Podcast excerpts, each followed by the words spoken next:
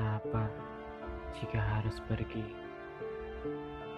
Hakikat tertinggi adalah mencintai tanpa harus memiliki.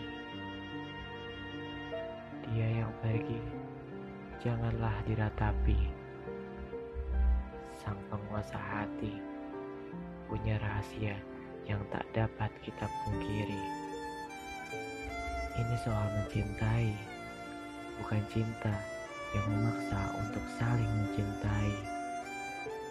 Ini fungsi bagaimana seharusnya cinta bekerja dengan ilusi.